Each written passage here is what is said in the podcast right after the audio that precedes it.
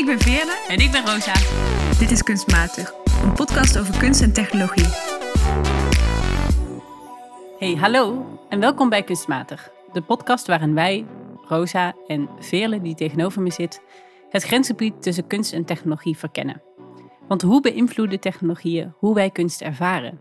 En welke kritische vragen stelt kunst aan technologie? Vandaag gaan we op onderzoek uit naar de relaties tussen schimmelkunst en bioart. Ja, bioart, oftewel biokunst, maar het wordt toch wel bioart genoemd, de Engelse term, is een ontwikkeling in de kunst die de laatste jaren steeds groter is geworden. Maar een soort voorloper al had, ik denk sinds de jaren tachtig, toen daar heel veel kunstenaars aan de slag gingen met het manipuleren van het menselijk lichaam. Dus onderzoeken waar de grenzen daarvan lagen. Heel veel performance kunst. En daarna, vanaf de jaren negentig, gingen er steeds meer kunstenaars werken met allerlei levende materialen. Van dieren tot schimmels, tot bacteriën, tot algen. Allerlei materialen waar normaal wetenschappers in laboratoria mee werken. Daar gingen kunstenaars toen mee aan de haal. En die term zelf, bioart, die komt uit 1997. Toen was er een kunstenaar en die is best wel bekend in het veld. Die heet Eduardo Katz. En die heeft onder andere een fluoriserend konijn gemaakt. Die heeft toen die, die, die stroming in de kunst zo uh, genoemd. En dat is een ingewikkelde stroming, vind ik. Het is een stroming die, zoals Veerle al zei, heel veel te maken heeft met combineren van laboratoriumpraktijken, wetenschappelijke praktijken, ook met kunst. Uh, veel werken met natuurlijke en, en, levende organismen en materialen. En dat roept meteen ook heel veel ethische vraagstukken op. Dat is vaak ook de bedoeling van bioart. Dat ze heel erg eh, soms de, de grens willen opzoeken en provocerende dingen willen maken. Zodat wij gaan nadenken over relaties tussen mens en dieren bijvoorbeeld. Of, of andere levende organismen tussen mens en natuur. Ja, de lijn tussen esthetiek en ethiek is heel dun soms in de bioart. En daarom vind ik het zelf best een moeilijk genre. Het is belangrijk, denk ik, dat we het bespreken. Maar ik vind het wel een moeilijke soort kunst. Ja, want ik, dat is misschien wel leuk om te vertellen. Vele, wij kennen elkaar heel lang. En ik weet altijd al dat jij... Nou, mag ik het een aversie noemen? Ja, heb ik heb tegen er echt heel veel reserves, ja. Ik vind het ook moeilijk om uit te leggen waarom hoor. Maar ik denk dat het misschien is omdat in zekere zin speelt bioart een heel traditionele rol. Aandacht vragen voor bepaalde zaken uit de natuur, hè? dood, geboorte, groei, en daar dan die dan vervreemden en daar kritische vragen over stellen. Hoe we in de moderne maatschappij van vandaag en met allerlei technologieën die ontwikkeld worden, eh, dat soms verstoren of manipuleren. Maar het is heel letterlijk vaak. Bioarts heel Ja. vaak heel vies, vind ik. Ja. Heel onsmakelijk. Best niet zo fijnzinnig. Heel letterlijk. En daarom, daarom denk ik dan, oeh ja, is dit nou echt de interessantste manier om die vragen te stellen? Maar goed, ik, wil, ik, ik ga proberen om me echt open te stellen. Maar het is absoluut een soort kunst waarvan ik niet meteen sta te springen om het te gaan bekijken. Ja, en zo heb ik zelf, als ik aan bioart denk, is er één kunstwerk dat meteen in mij opkomt.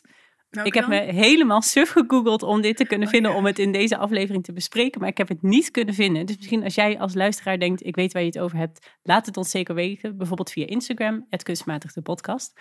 En dat gaat om een kunstwerk waarbij een, een kunstenaar in een laboratorium een soort homp vlees heeft ontwikkeld, die beweegt. En het ziet er echt uit als Hmm. Een soort stukje, kweekvlees. een soort kweekvlees, maar het ziet er echt uit als huid. Dus een stuk, het zou Oké. zo een stukje mens kunnen zijn. En dat beweegt autonoom. Mhm. En het is zo ontzettend walgelijk en het roept heel veel nare gevoelens op. Maar dat maakt het ook interessant. Want jaren later, ik heb het ooit ergens in een presentatie gezien. Jaren later denk ik er nog steeds Mm. na, aan.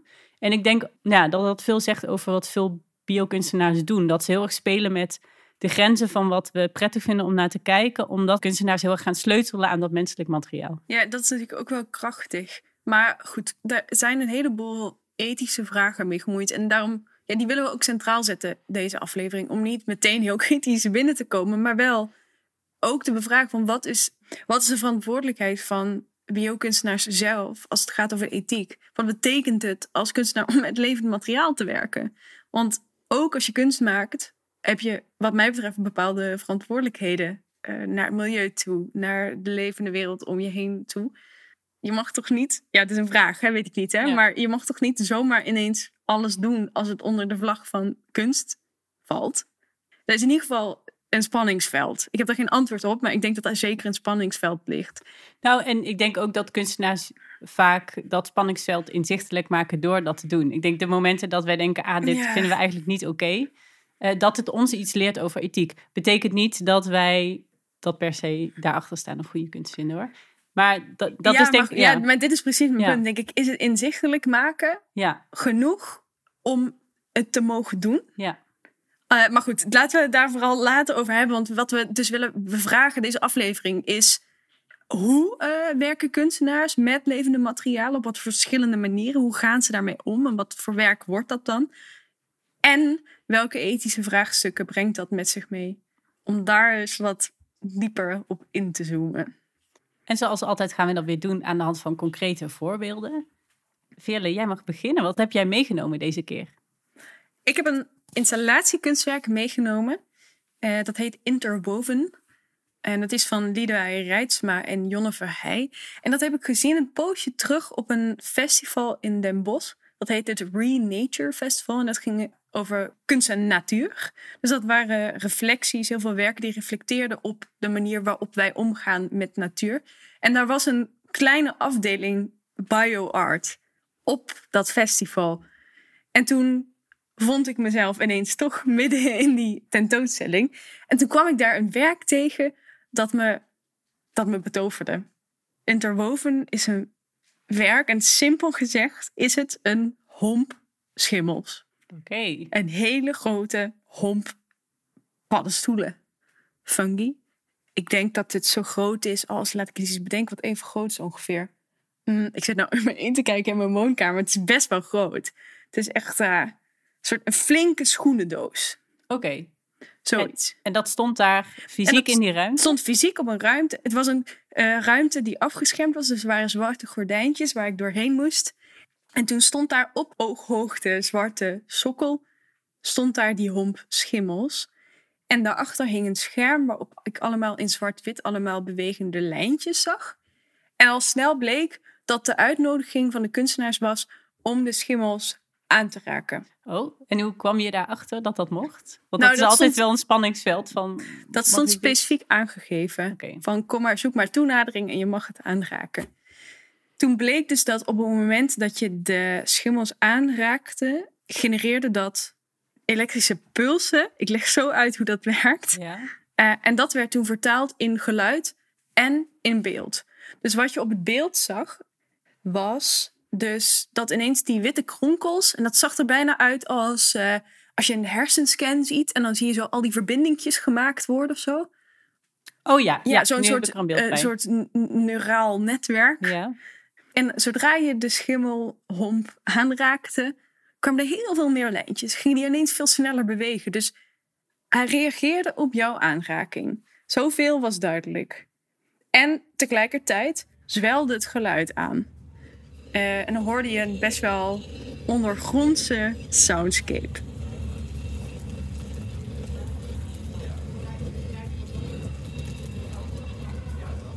Als ik het geluid zo hoor, doet het me denken aan het geluid van een eh, verkeerstunnel onder de grond. Of Hmm. treinen die langskomen of zo. Ja, het is een heel technologisch geluid. Ja, En toen ik, ik was dus helemaal betoverd door dat werk, omdat het, het was heel zacht om aan te raken en eigenlijk heel prettig. Terwijl je in eerste instantie denkt, mm, schimmel, mm, wat is dit? Maar het nodigt heel erg uit om dichterbij te komen en te kijken van, oh, huh, reageert het nou als ik harder druk of moet ik hem juist zacht aanraken om echt te proberen wat wat deed. En dan zag je dat er op gereageerd werd. en nog even voor dat gevoel. Voelde het als een champignon? Ja, het voelde als een champignon. Als een champignon, oké. Als een ja. heel grote champignon. Misschien iets minder glad, omdat er meer bobbeltjes in Ja. zaten. Maar het voelde inderdaad als een, als een champignon. Dus helemaal niet vies of zo. Terwijl in het begin denk je wel even van, "Mm, wil ik dit wel aanraken? Maar ja, want een champignon is ook best zacht. En best prettig om aan te raken. Ehm, maar in ieder geval, dus ik was heel erg geïnteresseerd eh, geraakt in dat werk. Tot mijn eigen verrassing. En die kunstenaars waren aanwezig. En ze hadden ook een boekje gemaakt over, bij het project, waarin ze helemaal hun proces uitlegden. En daar ben ik helemaal ingedoken, want ik vond het super interessant. Wat bleek, dit was een afstudeerwerk. En het beginpunt was eigenlijk dat ze zich bezig wilden houden met de relatie tussen mens en natuur. Maar dat ze hun, hun startpuntje was wij willen het onzichtbare zichtbaar maken. Dat vind ik altijd een hele mooie. Ja. Ja. En dat is natuurlijk een hele grote vraag, maar het is wel een heel inspirerend startpunt. En ze zijn eigenlijk spelenderwijs begonnen aan een zoektocht. Waarin ze op een gegeven moment, toevalligerwijs, met een microscoop aan het werk waren. En toen er van alles onderschoven om te kijken hoe dingen eruit zagen. En toen schoven ze er een beschimmelde framboos onder die ze nog hadden liggen. Toen waren ze helemaal weggeblazen door hoe ontzettend mooi schimmel is als je dat onder de microscoop legt. Wat zie je dan op zo'n moment? Zijn dat die neurale netwerken die je beschrijft? Of zie je nog nee, wat dat, anders? zi- ja, tenminste, dat kan ik helemaal niet herkennen. Maar in het boekje staat wel een fotootje ervan. En je ziet inderdaad hele, ja, alsof het textiel is, texturen erin. Hoe dan ook, hun fascinatie was gewekt. Omdat ze dachten, oh, iets zo vies als schimmel kan ziet er blijkbaar mooi heel mooi uit. Ja. En dat was een startpunt voor een heel lang proces. Helemaal gedreven door nieuwsgierigheid. En dit is meteen waarom ik, denk ik, meteen in die ruimte met die schimmelhomp zo enthousiast word. Want ik voelde dat dat. Je voelt soms dat een project puur op nieuwsgierigheid en aandacht drijft. Dus het wilde helemaal niet een heel groot punt maken of zo. Maar die kunstenaressen waren zelf zo geïntrigeerd geraakt dat ze die hele afstudeerperiode lang zoveel mogelijk hebben geleerd over schimmels. Ze zijn naar een schimmellaboratorium bij de Universiteit Utrecht geweest om uit te zoeken hoe schimmels functioneren eh, en wat dan een schimmel zou zijn waar ze mee zouden kunnen werken. En als we het dan even wat concreter maken. Dus je raakt die fungus, die die schimmel aan. En dan is die schimmel verbonden met draadjes Ja. of elektroden. Of hoe ontstaat die visualisatie?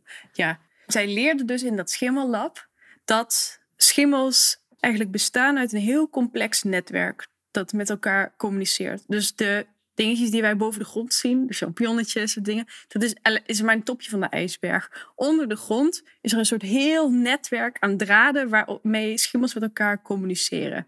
En in dat lab met die wetenschappers leerden zij dus dat de netwerken die schimmels over de hele wereld hanteren, vaak complexer zijn dan sommige netwerken die in ons hoofd zitten. Wauw. En ze waren daar Ja. helemaal door weggeblazen.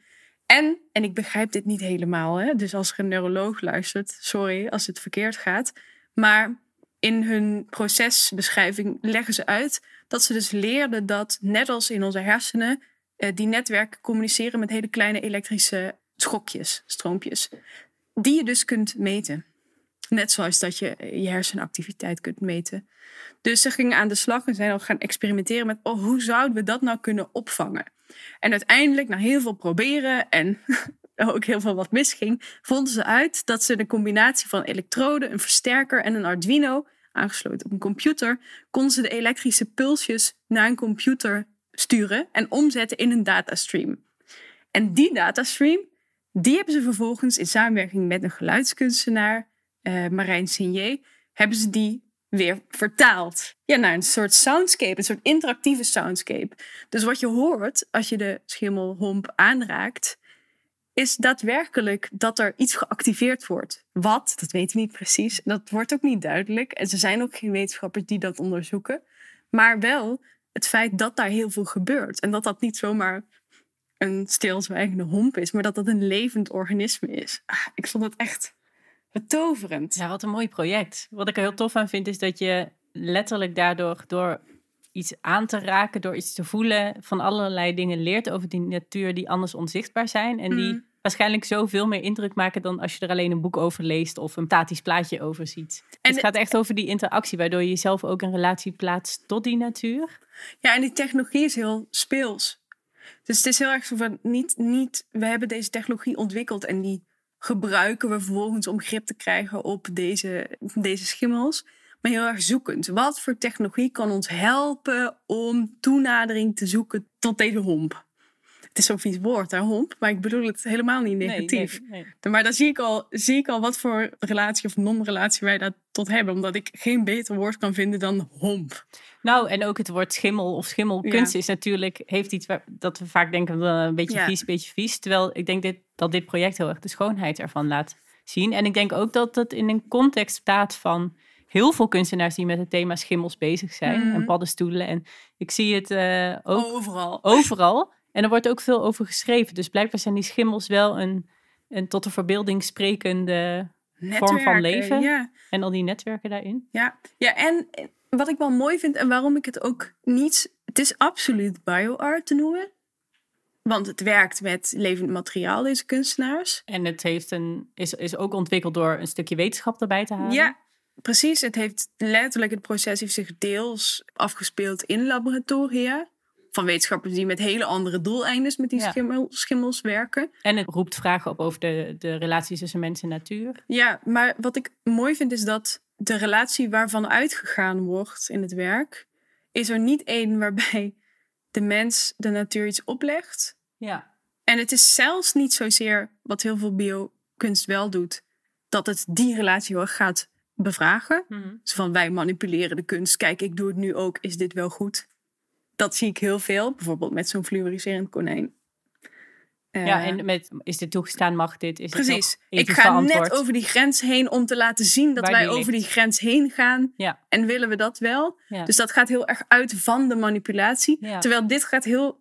Dit is veel meer een soort partnerschap of zo. ja, het klinkt voor Heel mij als leren, leren luisteren en leren kijken naar de technologie Dat. zoals die is. En dat beter begrijpen. In plaats van de, de natuur zelf te gaan aanpassen Ja. Als mens. Om daarin in te grijpen. Ja, het verraste me echt het werk. Omdat het zo aandachtig en ik zou het bijna lief noemen. Nou, het doet me ook denken aan ehm, aflevering 4 uit mijn hoofd. Over, we hebben een keer een, een aflevering gemaakt over zorg. Ja, En inderdaad. daar doet het me ook wel heel erg aan denken. Aan de manier van luisteren en zorg dragen voor de natuur die, die om ons heen is. En ik denk als we beter daarnaar kunnen kijken en luisteren, dat we er ook zorgvuldiger mee omgaan. Inderdaad. Ik vind het een interessante ontwikkeling als het gaat op het gebied van bioart. Ik heb ook het idee dat alleen die, eh, nou ja, die homp vlees waar ik het eerder over had, dat dat type projecten die heel erg op de provocatie en het chockeren zitten, niet meer de enige vorm van bioart eh, zijn die we veel zien. Dus daar ben ik dan wel eigenlijk wel weer, nou ja, nieuwsgierig naar wat er nog allemaal gaat komen verder. Ja, ik ook. En blijf verrast. En dan heb ik nog een vraag. Want hoe gaat het met de schimmelhomp nadat dit project is afgelopen? Nou. of is het een doorgaand project? Het is een doorgaand project. Ik had het even opgezocht op hun eh, Instagram-pagina. Het staat allemaal in de show notes, dus als je zelf ook even wil kijken. En volgens mij reist de homp vrolijk verder. Ik zag dat hij eh, een paar weken geleden bij het, hoe heet dat? De, het KNMI, het eh, Koninklijk Nederlands Meteorologisch Instituut, te gast was voor een evenement. Dus hij reist naar allerlei verschillende plekken om daar weer interactie aan te gaan met andere publieken. En nu was hij dus even in de beeld. En daarvoor was hij even in Den Bosch. Dus ik hoop eh, dat hij nog lang doorreist. Maar hij reist in ieder geval met de kunstenaars mee. En zij verzorgen hem Hm. nog altijd. Oké, Veerle. Interwoven. Is dat kunst of is het matig? Ja, kunst. eh, dat viel wel te raden natuurlijk. Ja. Ik vond het echt een heel bijzonder en teder project. Waarbij de kunstenaars echt lange termijn investeerden in meer leren over een ander soort levend wezen. Niet om het te manipuleren of om het volledig naar hun eigen hand te zetten, maar om manieren te vinden om beter te kunnen luisteren naar elkaar. Manieren om de afstand tussen mens en natuur iets te verkleinen of anders te maken. En om inderdaad, precies zoals de titel van het werk zegt, te laten zien dat mens en natuur misschien nog veel meer verweven zijn dan dat we in het dagelijks leven eh, ons bewust van zijn als wij gewoon die beschimmelde framboos in de prullenbak gooien. Rosa, wat heb jij meegenomen? Ik heb een kunstwerk uit 2013 meegenomen. En dat heet I Wanna Deliver a Dolphin. Door kunstenaar Ai Hasegawa. Oké. En dit project is een doorlopend project. Er is ook een project uit 2012 dat heet I Wanna Deliver a Shark. En beide hebben ze eigenlijk een vergelijkbaar onderzoeksproces. Dus ik, dus ik praat soms over de dolphin, soms over de shark, eh, maar ze hebben met elkaar te maken. Nou, even vrij vertaald in het Nederlands. I want to deliver a dolphin. Ik wil een dolfijn baren. Dat is eigenlijk eh, waar het werk over gaat. Het is een werk van, van oorsprong Japanse biokunstenaar of bioartist, die ook veel werkt met speculatief design ehm, en een grote interesse heeft voor de relaties tussen mens en technologie. En het project waar het over gaat is eigenlijk een wat verder uitgewerkt gedachte-experiment. In I Wanna Deliver a Dolphin uh, zien we een video waarin een vrouw in een witte jurk zwemt. En langzamerhand verschijnt er tussen haar benen de staart van een dolfijn. En er komt bloed bij en we hebben door dat die vrouw een dolfijn aan het baren is. Dit alles onder een vrij sentimenteel pianomuziekje. nou, en na die vrij serene bevalling ehm, zien we een dolfijntje rondzwemmen door het, uh, door het zwembad. En even later gaat zij ook die dolfijn voeren met een spuitje. En het project is een speculatief designproject. En waar het eigenlijk om gaat, is dat de kunstenaar een oplossing wilde creëren voor aan de ene kant het probleem van overbevolking Hmm. en het gebro- grote gebrek aan voedsel waar we mee te kampen hebben, ook zeker met het oog op de toekomst. En aan de andere kant de uitstervende diersoorten, problematiek van het feit dat we dieren eten en daarmee een grote impact hebben op het milieu. Dus eigenlijk die verschillende problematieken brengt ze samen in dit project. En ze zegt, kunnen we niet aan de hand van technologie een oplossing vinden voor dit probleem door vrouwen of mensen met een baarmoeder uitstervende diersoorten te laten baren? Heel Dus als je wel die drang hebt om zwanger te worden, ehm, waarom zou je dan een mens willen baren? Want hè, eh, dat heeft heel veel impact op het milieu en we hebben al te maken met overbevolking. Waarom gaan we niet de dieren baren die uitsterven of die we later willen eten? Oh mijn god. En dit alles met het idee dat als je zelf nou ja, een dier in je, in je buik hebt en je baart het en je zorgt ervoor en je hebt daar liefde Dan voor, wil je het toch niet meer opeten. dan wil je het niet meer opeten. Dus wat betekent het als we die meer liefdevolle relatie hebben tot, tot de dieren om ons heen, andere diersoorten? Gaan we dan met meer respect om met die dieren? Of zouden we het helemaal niet meer kunnen eten omdat we er te veel van gaan houden? Ik vind het zo heftig. Ja, ik vind het, ik vind het ook een heftig project, moet ik zeggen. nou, en even, ik heb deze video bespreken. Dat is dus I Wanna Deliver a Dolphin. Maar wat ze ook heeft gemaakt, en misschien weet jij het woord hiervoor. In de biologieles heb je toch vaak van die kunststof Oh, zo'n model. Ja. modellen, ja. Of, Ik denk gewoon een model, ja. ja. Nou, in ieder geval, ehm, wat je kent uit de biologieles. Dus waar je al die organen uit kunt waar je halen. Organen uit plastic kunt halen. model. Ja, Ja, zo'n plastic model. Dat heeft zij ook gemaakt als onderdeel van het project. Dus dan zie je eigenlijk een buik met een baarmoeder erin en daarin een klein dolfijnen-embryootje. Hmm. Nou, en de kunstenaar heeft veel gepraat met eh, specialisten op het gebied van embryologie. En ook, ze is ook echt gaan kijken van wat zou er voor nodig zijn om ervoor te zorgen dat dit ook echt kan. Hmm. En dan heeft ze suggesties gedaan voor aanpassingen die gedaan moeten worden aan het placenta, eh, medicatie die gebruikt moet worden of technologische aanpassingen, zodat de baarmoeder het niet afstoot, eh, het embryo. En als casus heeft ze dan nu een bepaald soort haaitje en een bepaald soort dolfijntje gekozen die ook niet te groot worden in de buik, zodat het zou ja. kunnen. Maar ze heeft het dus niet echt gedaan, maar ze heeft Nee. onderzocht wat zou kunnen. En nou ja, we hebben allebei al best wel een heftige reactie. Dus in die zin is het denk ik een typisch bio-art project. Ja. Wat heel erg speelt met, ja, wat vinden we ethisch verantwoord? Willen we op die manier ingrijpen in onze lichamen en onze natuur? Ehm, Mhm. hoe gaan we daarmee om? En waar liggen de grenzen? Ja, ik probeer een beetje bij elkaar te rapen waarom ik het nou zo heftig vind. Maar ik kan het niet zo goed onder woorden brengen. Nou, ik merkte dat ik één hele grote frustratie heb bij dat project. Die bevalling. Dat, nou, niet alleen de bevalling, maar het feit dat we hebben te maken met heel veel problemen rondom klimaatcrisis. En dat het nou weer vrouwen en mensen met een baarmoeder zijn die dat weer moeten gaan oplossen. We zijn met de hele wereld hier verantwoordelijk voor. Waarom moeten we, moet je mensen, die mensen nou weer gaan opzadelen met dit probleem? Dat, daar erger ik me gewoon echt heel erg aan. Het hele project is heel erg gestoeld op hele, nou ja, biologische essentialistische ideeën over moederschap. Mhm. Ik bedoel, waarom kunnen we geen dieren adopteren? Eh, die frustratie zit er voor mij Ja. als, als persoon met een baarmoeder Ik behoorlijk. dacht meteen hetzelfde. Ik vind het best wel heftig dat je... En ik snap dat het een uitvergroting is van de kunstenares. Maar ik vind het best wel heftig dat... Vooral als je bevraagt van... Oh, eh, zouden die dieren dan nog eten als we ze zelf gebaard zouden hebben? Want dan houden we zoveel van ze. Dat vind ik heel heftig. Alsof je niet op zoek zou kunnen gaan of waardering zou kunnen ontwikkelen of op een liefdevolle manier met andere soorten om zou kunnen gaan als je ze niet zelf gedragen hebt. Wat, dat, dat gaat op zulke, dat, ik weet niet, dat strijkt me zo tegen mijn haren in of zo. Ja, eigenlijk lijkt het te insinueren dat je daar pas om kunt geven als het Als een het stukje van is. jezelf is. Ja. En dat denk ik, ja, er zijn zo ontzettend veel mensen die vegetarisch of ve- veganistisch eten. Zonder dat ze Ja. ja, maar ook is dat niet het probleem waar we vanaf moeten? dat. de- ja, precies. Dat we dus alleen maar geven om iets dat van onszelf is. Dat is toch het probleem waar we vanaf moeten. En niet. Ik vind het, ja, dit is natuurlijk wel weer interessant. Het is natuurlijk precies de bedoeling van het Ja, werk. ja. Maar wat ik, wat ik heel erg vaak heb bij bioart projecten, is dat het inzoomt op een specifiek probleem. In dit geval bijvoorbeeld uit uitstervende diersoorten en eh, het feit dat we te veel dieren eten en dat dat niet goed is. Dat zijn gro- twee grote problemen waar het op inzoomt. Ja, en de overbevolking. Ja, en de overbevolking. En die verbindt het aan elkaar. Maar het vergeet de hele culturele, politieke, sociale context waarin die problemen bestaan. bestaan. Ja. Die bevraagt het niet eigenlijk. Dus het bevraagt niet verwachtingspatronen van vrouwen.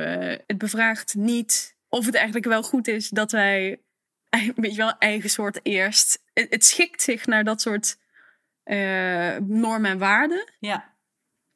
En op die manier vraagt het dan om aandacht en om discussie. In plaats van dat het daadwerkelijk die, dat bredere kader bevraagt. ja, ik heb ook het, het idee dat dit niet echt systeemkritiek is. precies. Volgens is mij kan dit bestaan binnen. was een veel kortere manier Ja. om te zeggen wat ik net probeerde te zeggen. Nou ja, dit kan bestaan binnen een kapitalistische samenleving met overconsumptie en, en alles. En, en dat vind ik er jammer aan. Ik had het tof gevonden als er iets meer systeemkritiek in zat. Want nu blijven we eigenlijk binnen een, een problematisch systeem een oplossing zoeken die, die, die vervolgens ook weer heel veel andere problemen met zich meebrengt. Maar goed, wat er interessant aan is, en ik denk dat dat biokunst Mhm. duidelijk kan doen, is dat het echt die, die filosofische gedachte-experimenten aanzwengelt. Doordat we een beeld zien van een vrouw die daadwerkelijk een, een haai of een dolfijn baart. Doordat we zo'n zo'n model zien eh, met zo'n embryo in een buik. Triggert dat ons om het er ook echt over te gaan hebben. En ik zag ook op de reacties op het filmpje op YouTube, maar ook onder een artikel, dat mensen heel heftig erop reageren. Veel mensen zeggen echt, dit kan echt niet en eh, verschrikkelijk. En ik wou dat ik dit niet gezien had. Of ik wilde gewoon iets zien over vrouwen die onder water baren. En nu in één keer gebeurt dit. Ehm, Ja. dus, en ik denk dat dat ook is wat de kunstenaar zelf wel graag eh, Ja. oproept. Ik zag ook een filmpje waarin ze zegt, ja, het maakt mensen wel, het provoceert heel erg, maar dat vind ik juist wel interessant.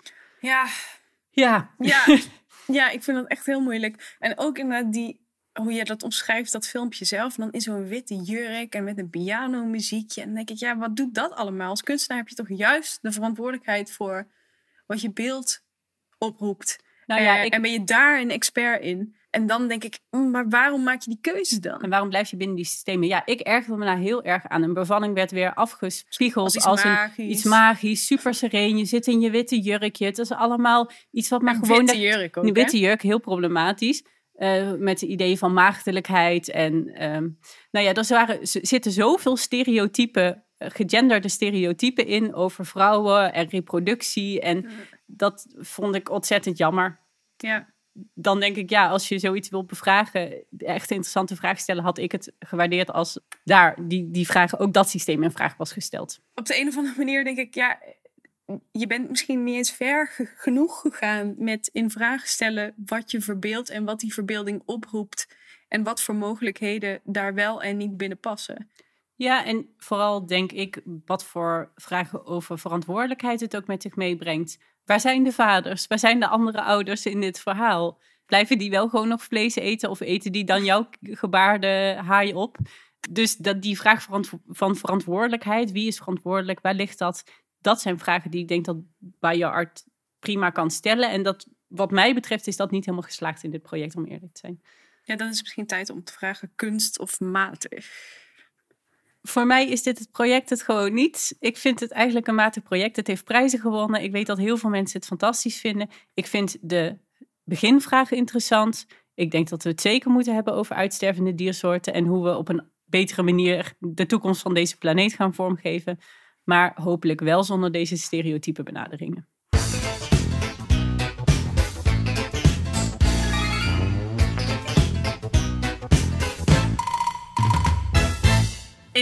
Gekke Gadget hebben we elke aflevering een gadget. Dat is een heel breed en rekbaar begrip in deze podcast. Want deze aflevering hebben we een, uh, hebben een editie van een kunstwerk dat ik tegenkwam in Tjonk. Dat is een kunstinstelling in Heerlen in Zuid-Limburg. En ik vond het zo mooi. En het past best wel op, op een bijzondere manier best wel goed bij het thema van deze aflevering. Behalve dat het naar de geschiedenis kijkt en niet naar de toekomst. Het is een glazen buisje. Zoals je in een laboratorium zou zien. Zo'n uh, langwerpig glazen buisje. Met daarin allemaal verschillende zaadjes en sporen. Het lijkt eigenlijk op pillen. Zoals je zo'n doorzichtige pil hebt met een, uh, een, substantie daarin. Zo ziet het eruit. Ja. En, in dit geval zitten daar allemaal zaadjes in. Ja, en wat het is, is een, een werkje van de kunstenares Sanne Vase. En het heet To Cure Melancholia, om um, melancholie beter te maken. En het is een, een van de resultaten van een onderzoeksproject waar zij bij betrokken was in het, Limburgse, het Zuid-Limburgse dorpje Etserade. In dat dorpje wordt er archeologisch onderzoek gedaan. Daar is namelijk een gedeelte van een middeleeuws kasteel teruggevonden. Dus er zijn allemaal opgravingen. Dus helemaal zoals je je dat voorstelt, tenminste zoals ik me dat heel romantisch voorstel, worden daar allerlei uh, scherven en metalen objectjes en munten en dergelijke opgegraven. Maar wat er ook opgegraven werd, waren natuurlijke restanten van de botanische tuin toen, ter tijd. En dat is waar dit werkje over gaat. Ja, wat Sanne Vase heeft gedaan, is onderzocht op basis van dat materiaal dat gevonden is, welke planten destijds zich in de natuur bevonden. En die planten, daar is ze zaadjes van gaan zoeken. En dat bevindt zich dus in die capsules, zou je ze kunnen noemen. En het mhm. reageerbuisje, wat uh, je voor 12,95 in Sjoenk zelf kan aanschaffen. En het leuke is dat je daar zelf mee aan de slag kunt gaan. Dus daarom vonden we het ook wel een beetje bij de categorie gadget passen. Je kunt die zaadjes namelijk zelf gaan planten en op die manier het historische landschap terugbrengen. Ja, dus ik heb hier gewoon nu in mijn hand een glazen buisje. Op basis waarvan ik in plaats van een soort speculatief toekomstscenario, kan ik een herinstallatie van nou, historisch landschap in Zuid-Limburg planten en creëren. En op die manier dus een heel andere relatie aangaan met de natuur om me heen, die gestold is op hoe zag het hier, ik ben het tellen, ik wil, uh, duizend jaar geleden uit. Als die planten tot volgroeiing komen, is het eigenlijk een soort museumuitje, maar dan in de natuur.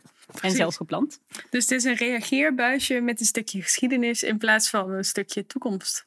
En wanneer ga je hem planten, Geerle? Als ik ooit een tuin heb. Oké. Op een sokkeltje. In Op een sokkeltje plaatsen we elke keer een kunstwerk of een kunstenaar op een sokkeltje. Omdat we vinden dat dat project of die kunstenaar extra aandacht verdient. En omdat we eigenlijk onverbloemd enthousiast zijn over, over dit project. En deze keer op het sukkeltje het project ALT van Aster Kruisbrink. Ja, het project ALT, Alterations of Altitude, uh, is een serie landschapsschilderijen. Maar wel heel bijzondere landschapsschilderijen.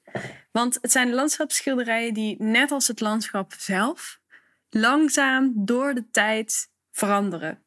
Uh, wat uh, Aster Kruisbrink heeft gedaan, is zij heeft zelf verf ontwikkeld. Uh, zogenaamde instabiele verf.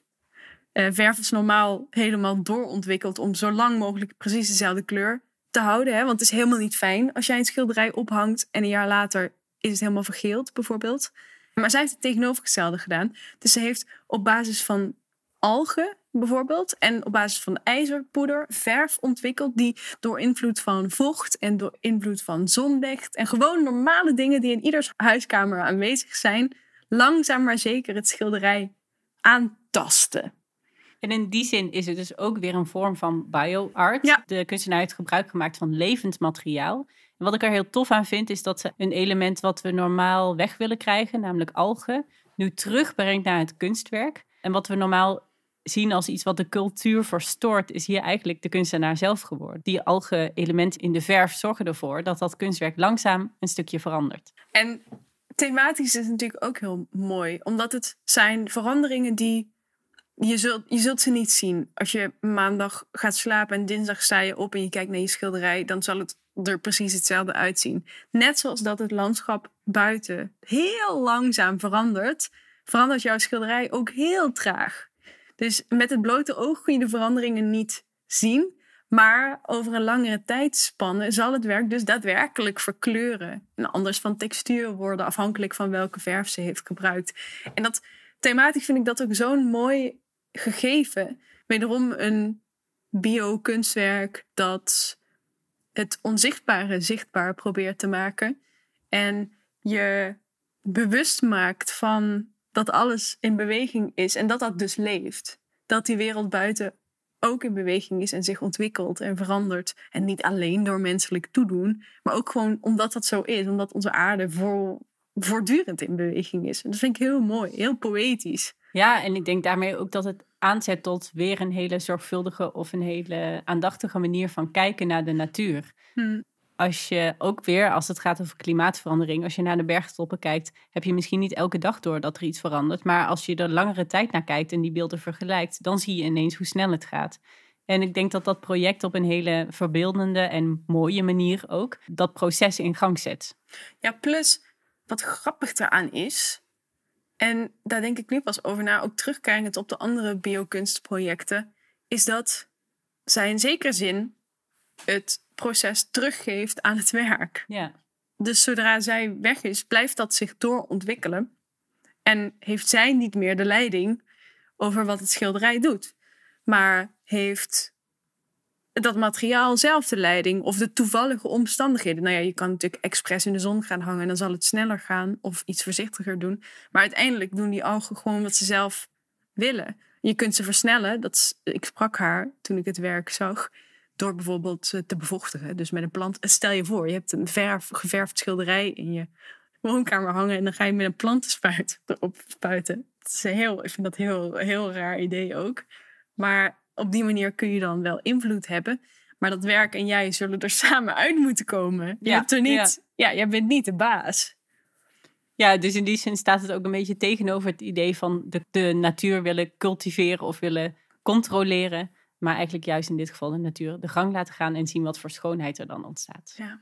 Hey, we hebben echt hele verschillende manieren gezien waarop kunstenaars met levende materialen werken.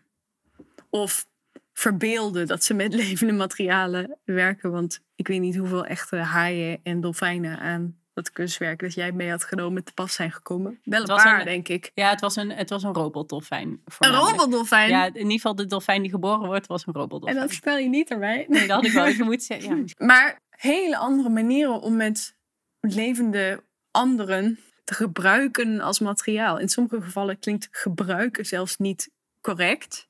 In het geval van de schimmelkunst of de schimmelhomp is die paddenstoel zelf deels een kunstenaar. En dat is ook in het project van het sokkeltje wat we bespraken.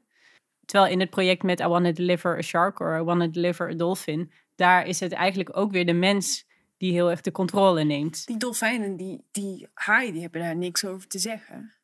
Ja, het is de mens die ingrijpt in de natuur eh, Mhm. als, als artistiek project. Het is mij wel duidelijker geworden dat ik dus blijkbaar daar Ja, eh, moeite mee heb. Dat kon ik niet zo goed vastpakken. Blijkbaar vind ik het dus moeilijk als biokunstenaars op eenzelfde manier, zoals soms in de wetenschap gebeurt en waar soms dan heel veel kritiek op komt, dieren gebruiken om een punt te maken of om te experimenteren of om waarin uiteindelijk de mens de baas, ik zet heel dikke aanhalingstekens, Ja. maar mens de baas blijft. Blijkbaar waarin dat niet bevraagd wordt, ja. blijkbaar heb ik daar dus moeite mee. ja, dat vind ik leuk. Want aan het begin van onze Had ik helemaal aflevering niet scherp. was dat voor mij ook niet scherp. Maar ik heb hetzelfde. Ik denk dat ik vind bioart projecten waarin er heel erg vanuit een interesse in de natuur en in andere organismen eh, gewerkt wordt. Dat vind ik ontzettend interessant, omdat je ziet dat dat soort projecten ons iets kunnen laten ervaren, zien, voelen, proeven misschien zelfs, wat we, waar we misschien normaal aan voorbij gaan. Terwijl die projecten die heel erg spelen met het controleren van de natuur en daar ook die grenzen heel hard willen bevragen, eh, dat zijn ook vaak projecten die we heel vies vinden. Maar goed, dat was aan, in zekere zin misschien met schimmelkunst ook zo. Ja. Eh, dus dat, is, dat vieze is volgens mij niet het probleem. Het probleem zit echt in, in wie heeft de controle, wie heeft de claimt de autonomie en wie spreekt. ja, en blijkbaar vind ik dus het doel heiligt de middelen niet helemaal opgaan, gevoelsmatig. Hè? Nogmaals, het is een hele zachte grens. Het kan heel goed zijn dat heel veel mensen dat wel vinden. Maar dit is dus waarom ik zoveel moeite heb met die projecten. Ja. Dat is het blijkbaar. Ja, dat en. Tegelijkertijd denk ik ook dat, volgens mij zien we ook iets veranderen in de kunst, in de biokunst die hiermee bezig is. En dat is natuurlijk ook omdat die eerdere projecten ook veel kritiek hebben gekregen. Eh, we hadden het helemaal aan het begin van de uitzending over cats en dat eh, genetisch gemanipuleerde konijn. Ja, heel Nou, dat is kort. heel- Dat is dus een kunstwerk waarin konijntjes in de baarmoeder van moederkonijn geïnjecteerd werden met ehm, ja, nou, een soort fluoriserende stof die bijvoorbeeld van die fluoriserende kwallen in de natuur eh, hebben. En uit dat nestje werden dus twee konijntjes geboren die dus glow in the dark waren. Dat soort kritieken die daarop zijn gekomen zijn volgens mij wel iets waar steeds meer ruimte voor is in de kunst. En eh, waar je ook niet zomaar meer mee wegkomt als kunstenaar. Mm. Dus die, ook die morele en ethische grens zijn daar aan het, aan het veranderen. En ik denk dat dat misschien ook wel een reden is dat nu zoveel kunstenaars met wat meer zorg en aandacht Ja. en respect ook wel eh, voor de natuur nieuwe projecten aan het Ja. ontwikkelen zijn. Ja, want en dat is inderdaad die tweede ding, hè, van welke ethische vraagstukken brengt dat met zich mee? Dat vind ik wel interessant, want als het over, dat zie ik nu ook pas beter, als je het over bioart hebt of als je daarover leest, dan gaat het heel vaak over de vraagstukken die die kunst aan de kaak stelt. Ja. Dus bijvoorbeeld Over consumptie. Of eh, overconsumptie. over bevolking. Ja, precies. Over bevolking. Of eh, moeten we wel baby's willen kunnen genetisch manipuleren? Dan kun je al ruiken dat het antwoord nee gaat zijn. Maar goed, ja. En dan gaat het heel vaak over, ja, die, en die kunst is goed. Dus het is ook heel erg geportretteerd als ethisch. Die is goed, want die vraagt om kritische reflectie daar op die thema's. Maar nu zie ik pas, oké, maar eigenlijk vind ik de ethische vragen andersom interessanter. Want welke ethische vraagstukken brengt dat voor de maker met zich mee? Hm. Die vind ik blijkbaar heel belangrijk. Dus moet jij als kunstenaar wel een konijn willen injecteren om een bepaald punt te maken? Moet jij wel een eh, bevalling van een dolfijn willen tonen om dat punt te maken? Ja. En wat doet dat, dat je dat verbeeldt? Ja, volgens mij gaat dit, wat je zegt, heel erg over het feit dat die kunstenaar niet een neutraal canvas Nee, is. wat is maar- jouw verantwoordelijkheid? Maar iemand die daar ook een verantwoordelijkheid in heeft. Ik ben eigenlijk ook wel heel benieuwd. En misschien zijn er luisteraars die er heel anders over denken. Ja. En luisteraars die weten wat die vleeshand was waar ik het over had.